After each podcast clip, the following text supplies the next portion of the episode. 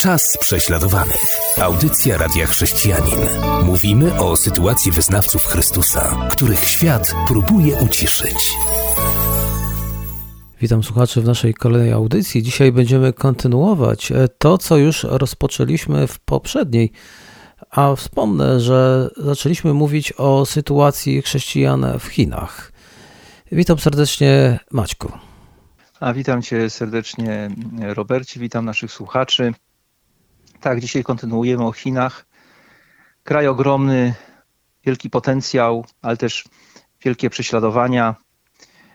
Dzisiaj chciałbym zwrócić uwagę naszych słuchaczy na fakt, że w XXI wieku, w którym żyjemy, na usługach prześladowców, zwłaszcza w takim kraju jak Chiny, bogatym, scentralizowanym, stoi między innymi współczesna technologia, ale również ci prześladowcy, w tym przypadku w Chinach spod znaku komunizmu, mają wielkie ambicje. Otóż oni nie chcą jedynie zaprowadzić swojego własnego porządku w swym własnym kraju, ale chcą go eksportować.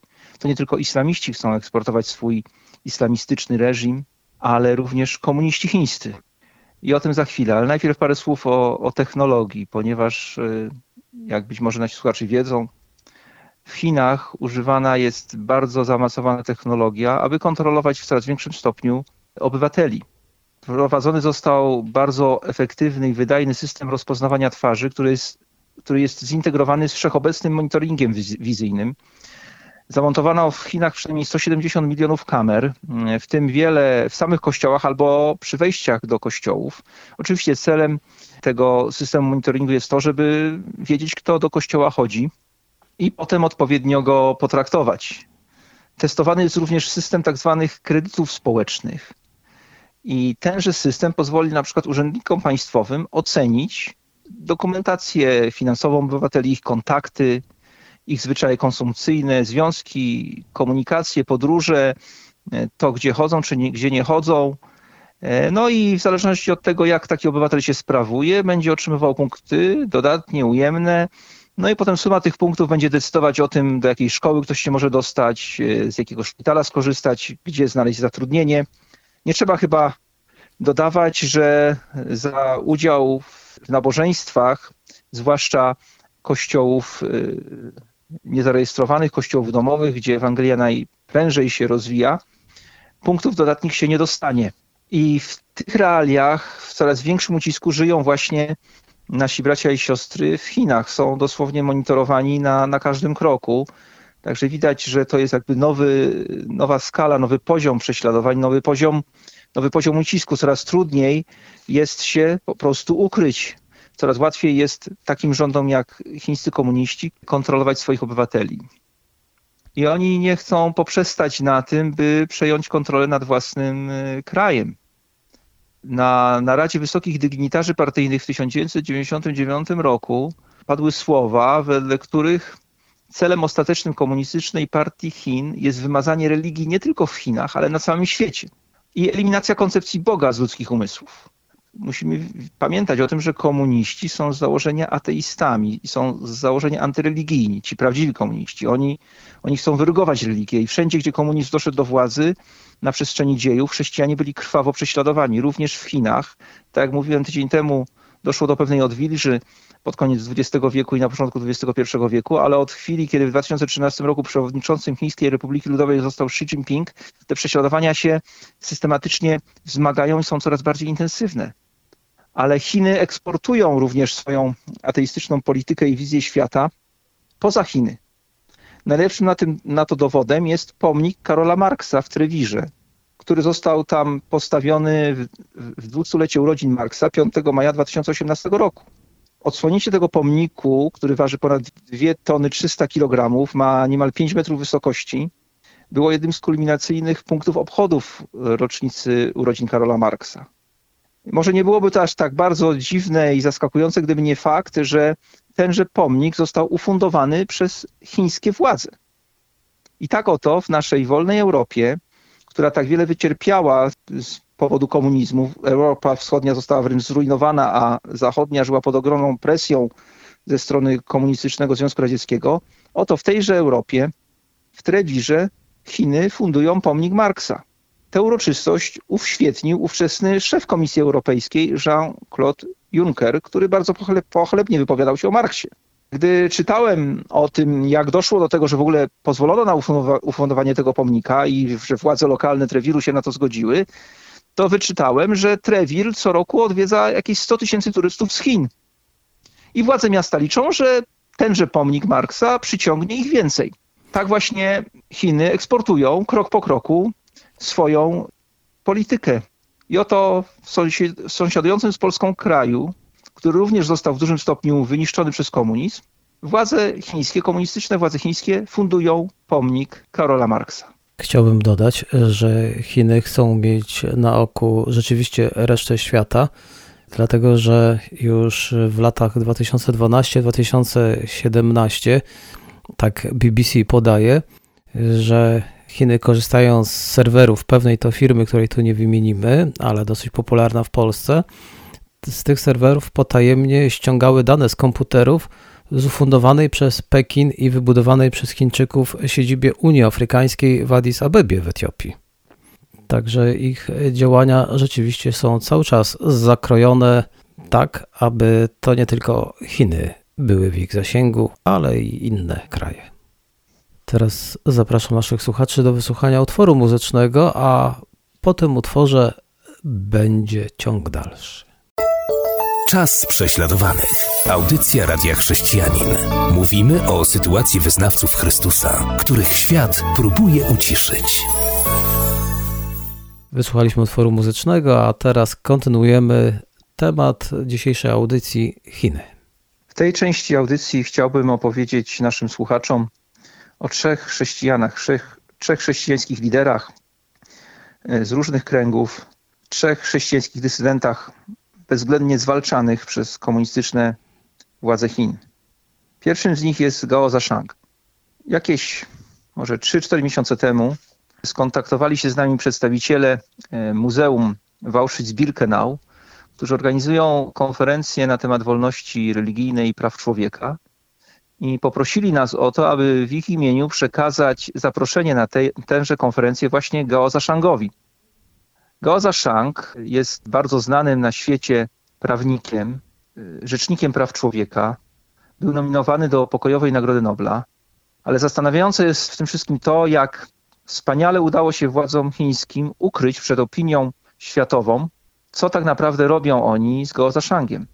Otóż Gao Zashang, który zniknął bez śladu w 2017 roku, porwany przez agentów Służby Bezpieczeństwa, który jest przetrzymywany w niewiadomym miejscu, według ostatnich informacji, jakie mieliśmy, w izolatce, w całkowitej ciemnościach, bez dostępu do opieki medycznej. Otóż ten Gao Zashang jest oficjalnie zapraszany przez instytucje w wolnym kraju, aby wziął udział w konferencji na temat łamania praw człowieka.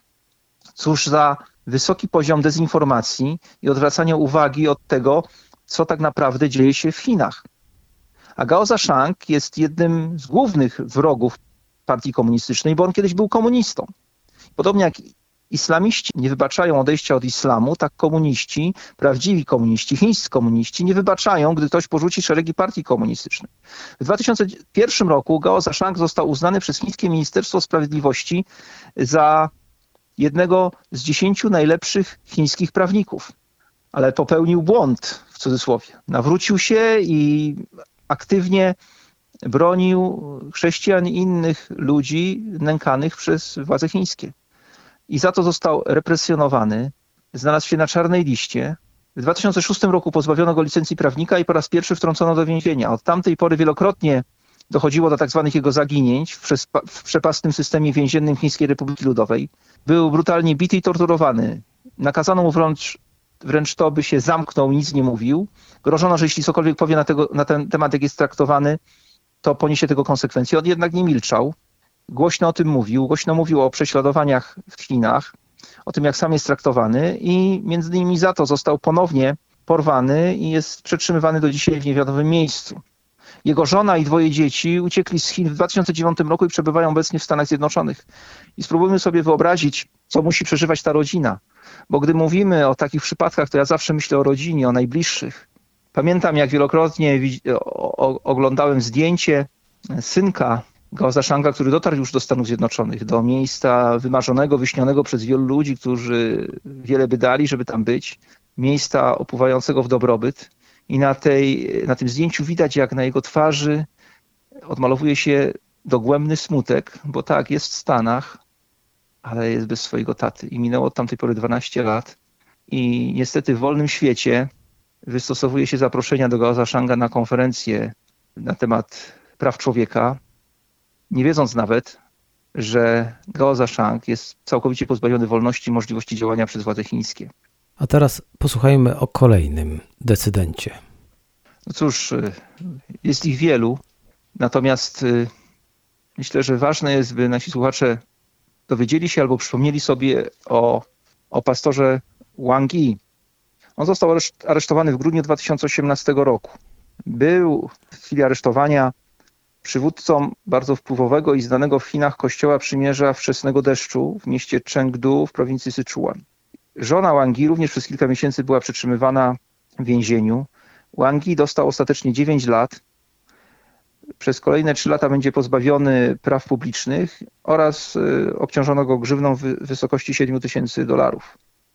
Wang Yi był również profesorem prawa, zanim został pastorem i naraził się władzom chińskim tym, że wzywał do poszanowania praw człowieka, do wolności religijnej, praw obywateli do wolności religijnej. Prowadził prężny kościół, który działał misyjnie, wielu ludzi się nawracało. Prowadzili szkołę biblijną, szkołę podstawową. Do jego kościoła tygodniowo uczęszczało około 800 osób. Ale szczególnie naraził się komunistom chińskim, gdy w 2018 roku napisał tak zwaną deklarację ze względu na chrześcijańską wiarę, w której zwracał uwagę na to, że jedynym y, prawowitym Panem Kościoła jest Chrystus.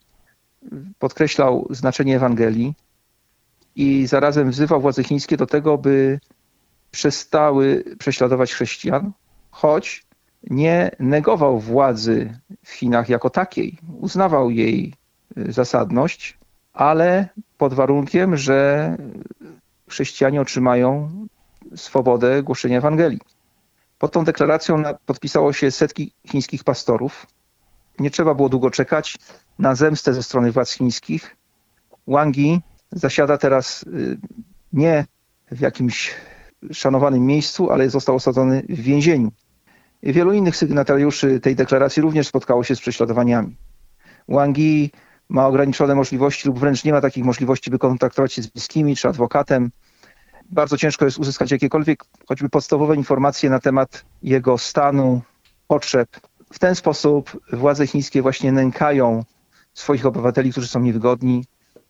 Więzienie, dezinformacja, oddzielenie od rodziny i równocześnie również nękanie, nękanie rodziny. Na koniec chciałbym jeszcze powiedzieć o kimś, kto jest szczególnie bliski mojemu sercu. Chociaż nigdy go osobiście nie spotkałem, to uważam go za osobistego przyjaciela, a jego rodzina jest bardzo bliska mojemu sercu. Stowarzyszenie Głos Prześladowanych Chrześcijan, którego mam zaszczyt być prezesem i założycielem, powstało oficjalnie w 2007 roku, jesienią 2007 roku, choć wcześniej przez parę lat działaliśmy nieoficjalnie, przygotowując grunt pod rejestrację. I właśnie w styczniu 2008 roku, dosłownie trzy miesiące po naszej rejestracji, doszła do nas informacja, że Ali Mujangimiti, bo o nim chcę powiedzieć, został aresztowany. Otrzymał wyrok 15 lat więzienia za rzekome wyjawienie tajemnic państwowych, szpiegostwo, zagrożenie dla bezpieczeństwa narodowego. A tak naprawdę był on ewangelistą, pastorem, byłym muzułmaninem z Ujgurów, mniejszości muzułmańskiej, etnicznej w Chinach, szczególnie znienawidzonej przez chińskich komunistów i prześladowanej też na gruncie etnicznym.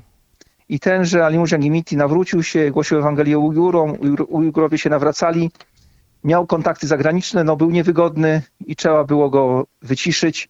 Dostał 15 lat. I przez cały ten okres, kiedy nasze stowarzyszenie tu w Polsce się rozwija, istnieje, on siedzi w więzieniu właściwie równolegle przez cały ten czas. I szczególnie jego historia mnie porusza. Gdy został osadzony w więzieniu, miał dwoje dzieci, kilkuletniego synka i, i drugie dziecko, bardzo malutkie.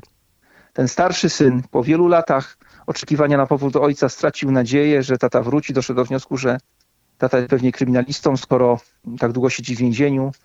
A doszedł do tego wniosku również przy udziale urzędników chińskich, którzy wywierają presję na rodzinę, na dzieci chrześcijan osadzonych w więzieniu. I pamiętam zdjęcie, które również wielokrotnie publikowaliśmy, gdy Ali Mujiang był jeszcze na wolności i jest z nim jego wtedy jak pięcioletni może synek, ten starszy, który tak bardzo cierpi z powodu rozłąki z ojcem. I ten synek jest tam pełen radości, jest szczęśliwy ze swoim tatą. Ali Mujiang też się uśmiecha. I oto właśnie władze chińskie w imię swojej ideologii komunistycznej, którą chcą zaprowadzać na całym świecie, rozdzierają serca takiej rodzinie, zamykają niewinnego człowieka w więzieniu, pozbawiają dzieci ojca tylko dlatego, że był on niewygodny i głosił Ewangelię Jezusa Chrystusa. No cóż, nie widziałem go nigdy, ale Elimudziang Imit jest moim przyjacielem i jest również przedstawicielem dla mnie wielu, wielu innych chińskich chrześcijan, mężczyzn i kobiet, którzy podobnie jak on cierpią prześladowania w tym kraju. Dziękuję za przybliżenie nam sytuacji w Chinach. Myślę, że teraz nie jedna osoba będzie chciała modlić się o prześladowanych chrześcijan w tymże to kraju, ale też pewnie nie jedna osoba zastanowi się, czy nadal wspierać gospodarkę Chin, kupując produkty firm chińskich, czy korzystając z chińskich usług. Dziękuję, że chciałeś nam o tym opowiedzieć. Również dziękuję naszym słuchaczom i życzę wielu Bożych błogosławieństw. I zachęcam do żywej, aktywnej pamięci o naszych braciach i siostrach, którzy są prześladowani nie tylko w Chinach, ale w niemal 70 krajach na świecie. Dodam, że część pierwsza na temat Chin jest dostępna do odsłuchania na naszej stronie. Była to audycja Czas prześladowanych.